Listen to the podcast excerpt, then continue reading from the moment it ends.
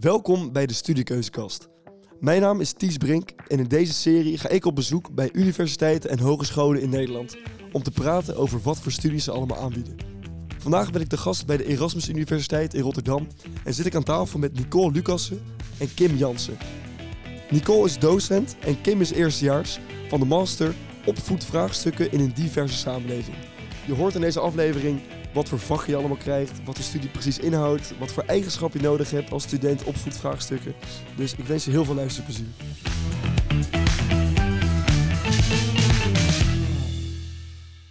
Opvoedvraagstukken in een diverse samenleving. Dat is eh, een hele mond vol, maar eh, wat is dat eigenlijk? Wat, eh, wat leren jullie hier? Ja, opvoedvraagstuk in een diverse samenleving is een masterspecialisatie van pedagogische wetenschappen. En richt zich heel specifiek op de grote diversiteit binnen opvoedvraagstukken die we hebben. Uh, dat kan diversiteit zijn naar gezinssamenstellingen of uh, vaders, moeders, etniciteit, religie. Eigenlijk alle soorten van diversiteit die we zien in Nederland, maar ook specifiek in de superdiverse stad Rotterdam. En er is veel aandacht voor grootstedelijke, uh, grootstedelijke vraagstukken die we tegenkomen als pedagogisch wetenschappers. En dan met de focus een beetje op Nederland en misschien Rotterdam in specifiek? Ja, we hebben eigenlijk een beetje Rotterdam als lab genomen, als je het zo wil zien, omdat uh, daar de diversiteit heel hoog is. Een super diverse stad. Uh, er is sprake van, geloof ik, meer dan 170 nationaliteiten, verschillende herkomsten. Um, en dat is een heel mooi uh, laboratorium om aan de, stad te gaan, aan de slag te gaan met opvoedvraagstukken die spelen binnen gezinnen en daarbuiten ook met andere opvoeders, zoals school en wijken waar kinderen in opgroeien. Mm -hmm. En uh, wat voor vakken horen daarbij? Wat voor opdrachten krijg je, Kim? Wij zijn begonnen dit jaar met uh, vak 4.1, dat is opgroeien binnen het gezin, waarin we uh, echt hebben gekeken naar de gezinsrelatie, zeg maar. Dus het kind staat daar helemaal centraal en je kijkt naar alle lijnen die er omheen lopen. Dus bijvoorbeeld de ouders, maar ook een ander soort verzorger, broertjes, zusjes, maar ook samengestelde zinnen, zoals bijvoorbeeld het hebben van bonusbroertjes en zusjes of, of een andere vorm van verzorgers. En binnen die opdracht hebben wij een, uh, een paper geschreven aan de hand van literatuur die we zelf onderzochten. En binnen die opdracht was je ook super vrij om zelf te kiezen wat je interesseerde. Ik heb toen geschreven over seksuele voorlichting, maar ik had bijvoorbeeld ook medestudenten die schreven over het uh, voeding, zeg maar. Dus over hoe geef je je kind of je peuter nou goede voeding en wat nou als dat niet lukt. Dus echt hele alledaagse problematiek die in het leven van een kind echt wel een keer tegen gaat komen. Dus als ik het goed begrijp, je hebt best wel veel vrijheid binnen de studie om uh, je eigen invulling te geven. Ja, je, bent echt, je staat er echt super vrij om daar zelf naar je interesse, naar wat jij echt leuk vindt, invulling aan te geven. Dat klinkt wel leuk. En is het vooral uh, werkcolleges of meer hoorcolleges? Of wat, is de, uh, wat voor onderwijs krijgen jullie? Het is een hele interactieve vorm van onderwijs, denk ik. Wat we proberen, uh, studenten zijn natuurlijk onze aankomende professionals. Dus ze willen zo goed mogelijk voelen waar staan zij, waar zijn zij mee bezig en waar hebben zij behoefte aan, wat willen zij leren. Uh, onze colleges zijn in principe interactief. Uh, we proberen gastdocenten uit te nodigen uit het werkveld. En dat kan het werkveld zijn, echte praktijk waarin studenten terecht kunnen komen, maar ook beleid of onderzoek. Um, en de werkvormen daarna, als studenten aan de slag gaan met literatuur, is eigenlijk bijna altijd in een toepassing. Dus in een toepassing van een actueel vraagstuk binnen de stad. Of een vraagstuk wat is opgelegd door de gemeente. Om de literatuur zo levendig als mogelijk te maken. En als ik denk aan het voorbeeld wat Kim net geeft uh, in het eerste vak over opgroeien binnen het gezin, wordt daar geleerd uh, hoe je wetenschappelijk onderbouwd advies geeft aan opvoeders. Nou, klinkt als een hele mooie studie. Is dat ook de reden dat je, dat het hebt gekozen, Kim? Waarom is jouw, uh, wat is jouw drijfveer om deze studie te kiezen? Nou, mijn drijfveer om deze studie te kiezen uh, komt eigenlijk voort uit het feit dat ik het super interessant vind om met gezinnen en kinderen te werken binnen de alledaagse context. Dus gewoon hele dagelijkse problematiek. En um, ja, ik vind de opbouw van de master super fijn, omdat je dus echt die combinatie hebt van ja, die interactieve werkcolleges die gewoon heel enthousiasmerend werken om leuk aan de slag te gaan met de opdracht. Afgewisseld door zelfstudie, waarbij je echt best wel wat literatuur gaat lezen, die je vervolgens toepast met je klasgenoten, met je groep. Uh, om ja, daar echt wel een soort product mee te maken. Dus of je schrijft een voorbeeld van een advies, of je, uh, je maakt handvaten voor bijvoorbeeld een, een fictieve uh, gemeente bijvoorbeeld. Dus je bent dan echt wel bezig om dat stapje naar die praktijk te zetten. Um, wat het ook heel levendig maakt om ermee bezig te blijven. Het is niet heel droog, de stof. is echt, het komt heel erg aan. Ja, want ik hoor dat ook mensen uit het werkveld uh, gewoon gastcolleges komen geven. Dat je veel contact hebt met de gemeente. Dus meteen, uh, nou, je past het meteen toe. Het is niet alleen maar, ja, hoe zeg je dat, uh, zweverige theorie. Dat, dat, lijkt mij heel interessant. Wat, voor, wat, voor, um, wat typeert een student in, bij jullie faculteit of bij jullie master? Wat typeert een student? Nou, ehm, nou mijn medestudenten dit jaar, we zijn allemaal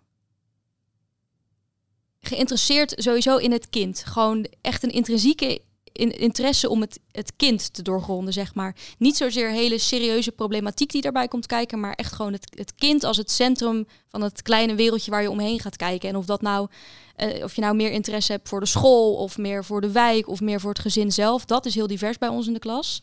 Maar we zijn allemaal geïnteresseerd in het kind als het middelpunt van het systeem. En vanuit daar willen we denk ik allemaal verder kijken. Um, wat het ook echt super tof maakt om in deze master te zitten, dat iedereen zulke andere interesses heeft. En ook super diverse stages aan het zoeken is. En andere colleges leuker vindt dan andere. Dat maakt het echt wel super gezellig. Ja, want ik neem ook aan, jullie komen allemaal van een andere achtergrond. Um, komen jullie allemaal uit Nederland of zijn er ook internationale studenten? Wat voor bachelors hebben jullie gedaan? Um, bij ons is, uh, we hebben geen internationale studenten dit jaar. Um, de, het gros van de groep heeft de bachelor pedagogische wetenschappen gedaan. Een deel aan de UR, maar ook een deel aan andere universiteiten. En ik kom dan zelf via de pre-master um, deze master binnen, omdat ik hiervoor een HBO heb afgerond. Dus dat kan ook. Dus even één keer één jaar schakelen en dan. Uh... Ja, echt schakeljaar, klopt. Ja. Goed. En we uh, hebben in eerdere jaren ook wel gezien dat er studenten uit bijvoorbeeld sociologie of criminologie vandaan komen. Dat raakt natuurlijk ook heel erg aan vraagstukken, net op een andere manier, dus dat die geïnteresseerd zijn. En misschien nog even goed om te vermelden dat er geen internationale opleiding van is. Dus het is enkel in het uh, Nederlands. Ja, helder. Dus uh, alle literatuur, alle colleges, dat is allemaal ook uh, Nederlandstalig. De literatuur is over het, over, nou ja, 99% is Engels, want je gebruikt internationale wetenschappelijke bewijzen om je, je opdrachten te maken. En dat is natuurlijk niet alleen gericht op Nederland. maar verder, de colleges zijn over het algemeen allemaal in het Nederlands. Ja. Ja, duidelijk. Hey, en Kim, uh, je hebt bijvoorbeeld ook de master uh, orthopedagogiek en er zijn nog twee andere masters. Um, waarom heb je specifiek voor deze gekozen, voor opvoedvraagstukken? Ja, goede vraag. Um, ik heb specifiek voor deze master gekozen, um, omdat wat ik al zei, het gaat echt om die kleinschalige problematiek. En ik denk dat heel veel medestudenten uh, misschien toch sneller geneigd zijn om naar de iets bekendere master te kiezen, orthopedagogiek, omdat het lijkt alsof daar heel veel meer uh, vraag naar is. Maar orthopedagogiek gaat echt om de diagnostiek en behandeling van problematiek bij een kind. Waar uh, opvoedvraagstukken echt gaat om ja, het systemisch benaderen van problemen. Dus het is veel dynamischer met het kind zelf. Um, en ik denk dat dat nog wel eens vergeten wordt wanneer je de keuze krijgt om een, een, een master te kiezen. Um, en dat is ook echt wel de reden dat ik voor deze master heb gekozen en niet voor ortho. Zie jij dat ook, uh, Nicole? Ja, zeker. Ik herken heel erg wat je zegt, Kim. Het is ook logisch. Als je op vacatures kijkt, zie je ook veel vaker dat er gezocht wordt naar een orthopedagoog. Uh, met een master opvoedvraagstukken zijn die functies net overal anders gelabeld. Dus dat is ook niet echt helpend. Uh, ik denk als je heel specifiek geïnteresseerd bent in diagnostiek en behandeling, zou je zeker voor orthopedagogiek moeten kiezen. Maar ik denk dat het goed is om ook te kijken wat er binnen de master opvoedvraagstukken gebeurt. Omdat het klinische gedeelte natuurlijk maar een klein deel van alle kinderen en alle gezinnen beslaat. En de meeste kinderen relatief uh, gezond opgroeien en ontwikkelen. Maar dat er wel vraagstukken bij komen kijken waar uh, opvoedvraagstukken een antwoord op kan bieden. En daarnaast is het ook niet zo dat uh, opvoedvraagstukken helemaal niet in het klinische werkveld te vinden is. Het is alleen zo dat je daar niet uh, diagnosticeert en behandelt, maar wel bijvoorbeeld mee kunt denken over beleid of opvoedadvisering geeft. Ja, precies. Wat je zegt, uh, ja, wat er binnen de opleiding gebeurt. En wat maakt jullie master zo uniek dan? Denk dat dat een aantal punten zijn. Uh, allereerst is het uh, focus op de diverse en grootstedelijke context. Dat niet betekent dat je alleen maar in de stad Rotterdam of in steden zou kunnen werken. Maar wat vooral betekent dat we met een diversiteitsbril kijken naar alle vraagstukken. En rekening houden met hoe Nederland eruit uh, uitziet. Um, daarnaast hebben wij heel veel aandacht voor de integratie van theorie en praktijk. Dus het is niet dat je leert om het leren en daarnaast nog een stukje vaardigheden doet. Maar dat gaat in elk vak samen. Dus dat zijn ook grotere vakken en ook de toetsing is dus geïntegreerd. Um, en daarnaast hebben wij aandacht voor de professionele vorming van uh, onze studenten. En dat is eigenlijk een leerlijn die loopt naast alle vakken die je volgt. Dus daar begin je gelijk mee aan de start van het jaar. Um, waarbij je afvraagt waar sta ik, wat wil ik, uh, hoe wil ik groeien, waar wil ik naartoe en wat moet ik daar nog voor leren. Veel persoonlijke aandacht in je, je, persoonlijke ontwikkeling. Ja, klopt. En je kan dat ook zelf echt zo gek maken als je wil, zeg maar. Je kan er zo diep induiken als dat je uh, voor jezelf graag wil. En het zijn hele leuke bijeenkomsten waarbij je nou ja, jezelf toch wel wat beter leert kennen, maar ook je medestudenten eh, daar veel inzichten van leert. En op die manier ook weer echt aan het bijdragen bent aan die doorlopende diversiteit, waar wij toch wel echt op focussen. Mhm. En die leerlijn is iets wat uh, gewoon vanaf moment 1 tot en met het ja, afstuderen is. Um, we hadden net over één vak. Wat zijn die andere twee vakken? Um, tweede vak is opgroeien met leeftijdgenoten en media. En in dat vak uh, uh, ga je samen met een docent en met interactieve workshops aan de slag om inzichten te krijgen over wat doet sociale media eigenlijk met kinderen, hoe adviseer je daarop, wat is de rol van leeftijdgenoten, welke leeftijdgenoten zien we allemaal om ons heen. En een voorbeeld van een uh, vraagstuk wat daar aan de orde komt is hoe betrek je jongeren bij onderzoek, beleid, praktijk, hoe geef je hen ook een stem? En mhm. hou je daar rekening mee? Dat was super actueel. Dus uh, de TikTok, uh, dat soort dingen komen aan bod, denk ik. Ja, nou echt actuele kan je het natuurlijk niet krijgen in deze periode met sociale media. En uh, het krijgt natuurlijk steeds meer roering. telefoons op scholen, sociale media als leertool. Dus geen beter moment om dit vak te krijgen dan nu. Um, en iets wat ik super leuk vond aan dit vak is dat we um, naast de colleges en de werkgroepen ook nog workshops kregen van professionals. waarin we echt zeg maar ja, iets maakten. Um, wat mij echt wel heel erg is bijgebleven. Wat echt, uh, echt een bijdrage was aan het vak. En hoe bedoel je iets maakte? Wat, uh, wat houdt het in? We werkten dan een product uit. Dus bijvoorbeeld een... Uh, we moesten bijvoorbeeld een manier bedenken om jongeren te betrekken om gedrag te verbeteren. Dus bijvoorbeeld om de wijk iets mooier te maken of iets opgeruimder te maken. Of om de uh, gezelligheid op school te bevorderen. En daar werk je dan zo'n workshop lang aan. Ja, en dan ga je toch echt wel weer naar huis met nieuwe inzichten over hoe je jongeren kan betrekken via sociale media. In Rotterdam. In Rotterdam. Ja. En uh, het derde vak, wat is dat ook weer? Uh, het derde vak is opgroeien in een diverse en grootstedelijke context. En daar ga je aan de slag met de belangrijkste pedagogische vraagstukken aan de stad. Uh, die bespelen binnen de stad. En de, de bedoeling daarin is dat jij aan de slag gaat met een vraagstuk wat is ingebracht door een jeugdzorgorganisatie of door de gemeente. En deze gaat adviseren. Nou, dus dat is gewoon een soort rapport voor uh, nou, zo'n organisatie en die gaat het ook daadwerkelijk toepassen. Is daar nog uh, een soort terugkoppeling? Nou, het is niet hele. Het is ook een rapport, natuurlijk ook een advies, maar er komt ook heel concreet een product uit. En dat hangt natuurlijk heel erg samen met de doelgroep die je bedient. Uh, dat kan zijn dat je je advies omzet in een podcast of in een workshop voor professionals of in een artikel in de krant, noem maar op. Dus er wordt wel die stap voorwaarts gezet om te zorgen dat het advies ook geïmplementeerd wordt. Ja, mag ik vragen, wat heb jij gedaan uh, bij dat vakje? Nou, ik ben nog druk bezig. we zitten er middenin. Maar op dit moment uh, is het vooral heel opzwepend om uh, zeg maar proberen dat probleem zo helder mogelijk te krijgen. En dan inderdaad, wat Nicole zegt, dat we toewerken naar een echt product, wat we dan ook kunnen presenteren. Ja, en wie weet wat we daar in de toekomst, wat er allemaal nog uit voortkomt. Ja, ik ben benieuwd. Ja, over wat er uit voortkomt gesproken. Um, aan het eind van deze master heb je natuurlijk een heel breed palet aan, uh, aan skills. Um, waar kan je dat toepassen? Wat voor carrière mogelijkheden zijn er? Wat voor uh, beroepen passen hier misschien bij? Heb je daar naar gekeken? Jazeker, dat is natuurlijk niet geheel onbelangrijk als je begint aan een master. Uh, dat je ook een beetje nadenkt over wat je wil gaan doen. Um, nou, dat is echt ongelooflijk breed. Um, het is bijna niet in één podcast op te noemen hoeveel kanten hiermee op kan.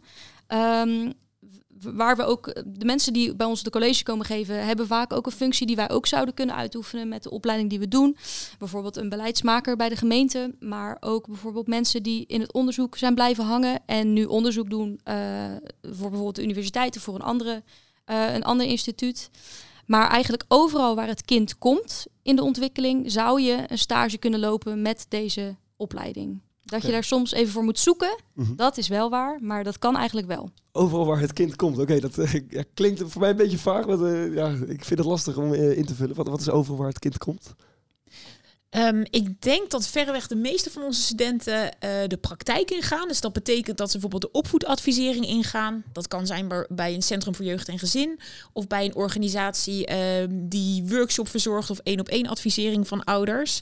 Uh, wat we verder ook wel zien, als ik kijk naar de um, stages die de afgelopen jaren hebben plaatsgevonden, noem ik een aantal vluchtelingenwerk, Leger des Heils en de jeugdbescherming, Parnassia Youth. we zien studenten die interventies ontwikkelen, dus voor preventie preventieprogramma's maken voor kinderen, voor jongeren, voor ouders, voor scholen. Um, als je hem heel grote paraplu wil geven, kan je dus ermee terecht in praktijk, beleid en onderzoek. Wow. En ik, hoor ook een paar keer het woord stage terugkomen. Uh, is er dus ook ruimte voor een stage al tijdens de master? Of? Zeker. Ja, stage is verplicht onderdeel van de master. Um, dus we starten met drie inhoudelijke vakken, waarbij Kim net al het een en ander heeft verteld over het eerste vak, opgroeien binnen het gezin Daarna een stukje methode en technieken. En daarna tegelijkertijd stage en scriptie. En die stage mag je dus eigenlijk uitoefenen op elke uh, plek waar je terecht zou kunnen komen, straks als, uh, ook als pedagogisch wetenschapper. Dus dat kan een beleidsstage zijn, een praktijkstage of een onderzoekstage. -hmm. En uh, ik ben benieuwd, hebben jullie veel contact met misschien alumni? Is er een alumni club of een netwerk? Of zijn er... Ja. Daar kan ik wel het een en ander over vertellen, denk ik. Ik denk wel ook wel leuk en bijzonder is om te benoemen dat deze, deze master ook is ontstaan vanuit een vraag vanuit het werkveld. Dat zij op zoek zijn naar pedagogische wetenschappers die bepaalde skills hebben om om te kunnen gaan met de diversiteit en de grootstedelijkheid van pedagogische vraagstukken. Dus deze master is sowieso ontwikkeld uh, met onze samenwerkingspartners op uh, terrein van beleid en praktijk en deels ook onderzoek. Um, en wij zijn vrij kleinschalig. Het is heel interactief onderwijs. Dus je leert de studenten ook goed kennen. En we hebben eigenlijk met veel studenten nog goed contact. Um, en deze studenten zitten vaak weer in het werkveld, waardoor zij ook zelf weer een, uh, een college kunnen komen geven. Ja, precies. Het is gewoon een soort wisselwerking tussen uh, het werkveld en de, de studie. Oh, dat wat leuk om te horen. Um, als nu een student, of als nu een luisteraar heel enthousiast is, um, waar kan hij zich aanmelden? Hoe werkt dat? Uh, wat, voor, wat voor eisen gelden er? Nou, ik denk um, dat onze website uh, van de UR, en dan specifiek natuurlijk op de master opvoedvraagstukken in een diverse samenleving, staat heel veel informatie vermeld over de master zelf, uh, hoe het eruit ziet, wat de opbouw is in de master, wat je ermee zou kunnen doen. Um, er staan ook best behoorlijk wat uh, blogs op over wat aan welke vraagstukken je dan bijvoorbeeld kunt denken als je het hebt over opvoedvraagstukken. Het zijn blogs van studenten dus? Of, ja, uh, van studenten, maar ook wel van docenten. Wat leuk. Ja, zeker. Dus dat we aan de hand van bijvoorbeeld iets wat er gebeurt uh, binnen de regering of maatschappelijke ontwikkelingen die we zien, dat wij daar als docenten een blog over schrijven. Jullie zitten er bovenop natuurlijk. En wij zitten er bovenop. Ja. Wij adviseren graag gevraagd en ongevraagd. um, maar ook van studenten die vertellen over hun stage, wat ze daar doen, hoe ze daar terecht zijn gekomen en hoe ze hun toekomst zien. En naast die uh, blogs zijn er ook chatmogelijkheden met zowel een docent van de opleiding, maar ook met een student, als je graag het studentenperspectief wil horen. Dus ik denk eigenlijk alles wat je nodig hebt, kun je heel goed vinden op onze website. Er staan trouwens ook onze toelatingseisen. Oké, top. Dus uh, je hoeft niet uh, ergens cum laude te zijn geslaagd of zo? Of, uh... Nee, het, even om het heel breed te schetsen. Het is de bedoeling om in te kunnen stromen dat je een bachelor hebt in pedagogisch wetenschappen, ben je direct toelaatbaar. Is het een bachelor in sociale wetenschappen, hangt het er even af wat voor pedagogiekvakken je eerder hebt gedaan. Je hebt 15 EC aan pedagogiekvakken nodig en 10 EC aan methode- en techniekenvakken. Meestal gaat dat vrij snel. Uh, mochten er studenten zijn die geïnteresseerd zijn uh, om de master te volgen, maar niet deze pedagogiekvakken uh, hebben, die kunnen een minor volgen in het derde jaar, die precies 15 EC is. Nou, perfect. En je kan dus ook eventueel schakelen een jaartje. Ja, je kan ook inderdaad een pre-master doen als je een HBO-opleiding hebt afgerond. En de opleidingen die eronder vallen, die kan je ook allemaal op de website van de pre-master daarover weer yep. verder vinden als je dat graag wil. Oké, okay, nou dat klinkt ontzettend goed. Uh, ik denk dat het mooi is om hierbij af te sluiten. Dus dank jullie wel voor je tijd. Ja, heel graag gedaan. En mochten er vragen zijn, weet ons absoluut te vinden via de website, via het mailadres of via de chat. Uh, we zijn goed vindbaar. Mooi, ja, dankjewel. Dankjewel.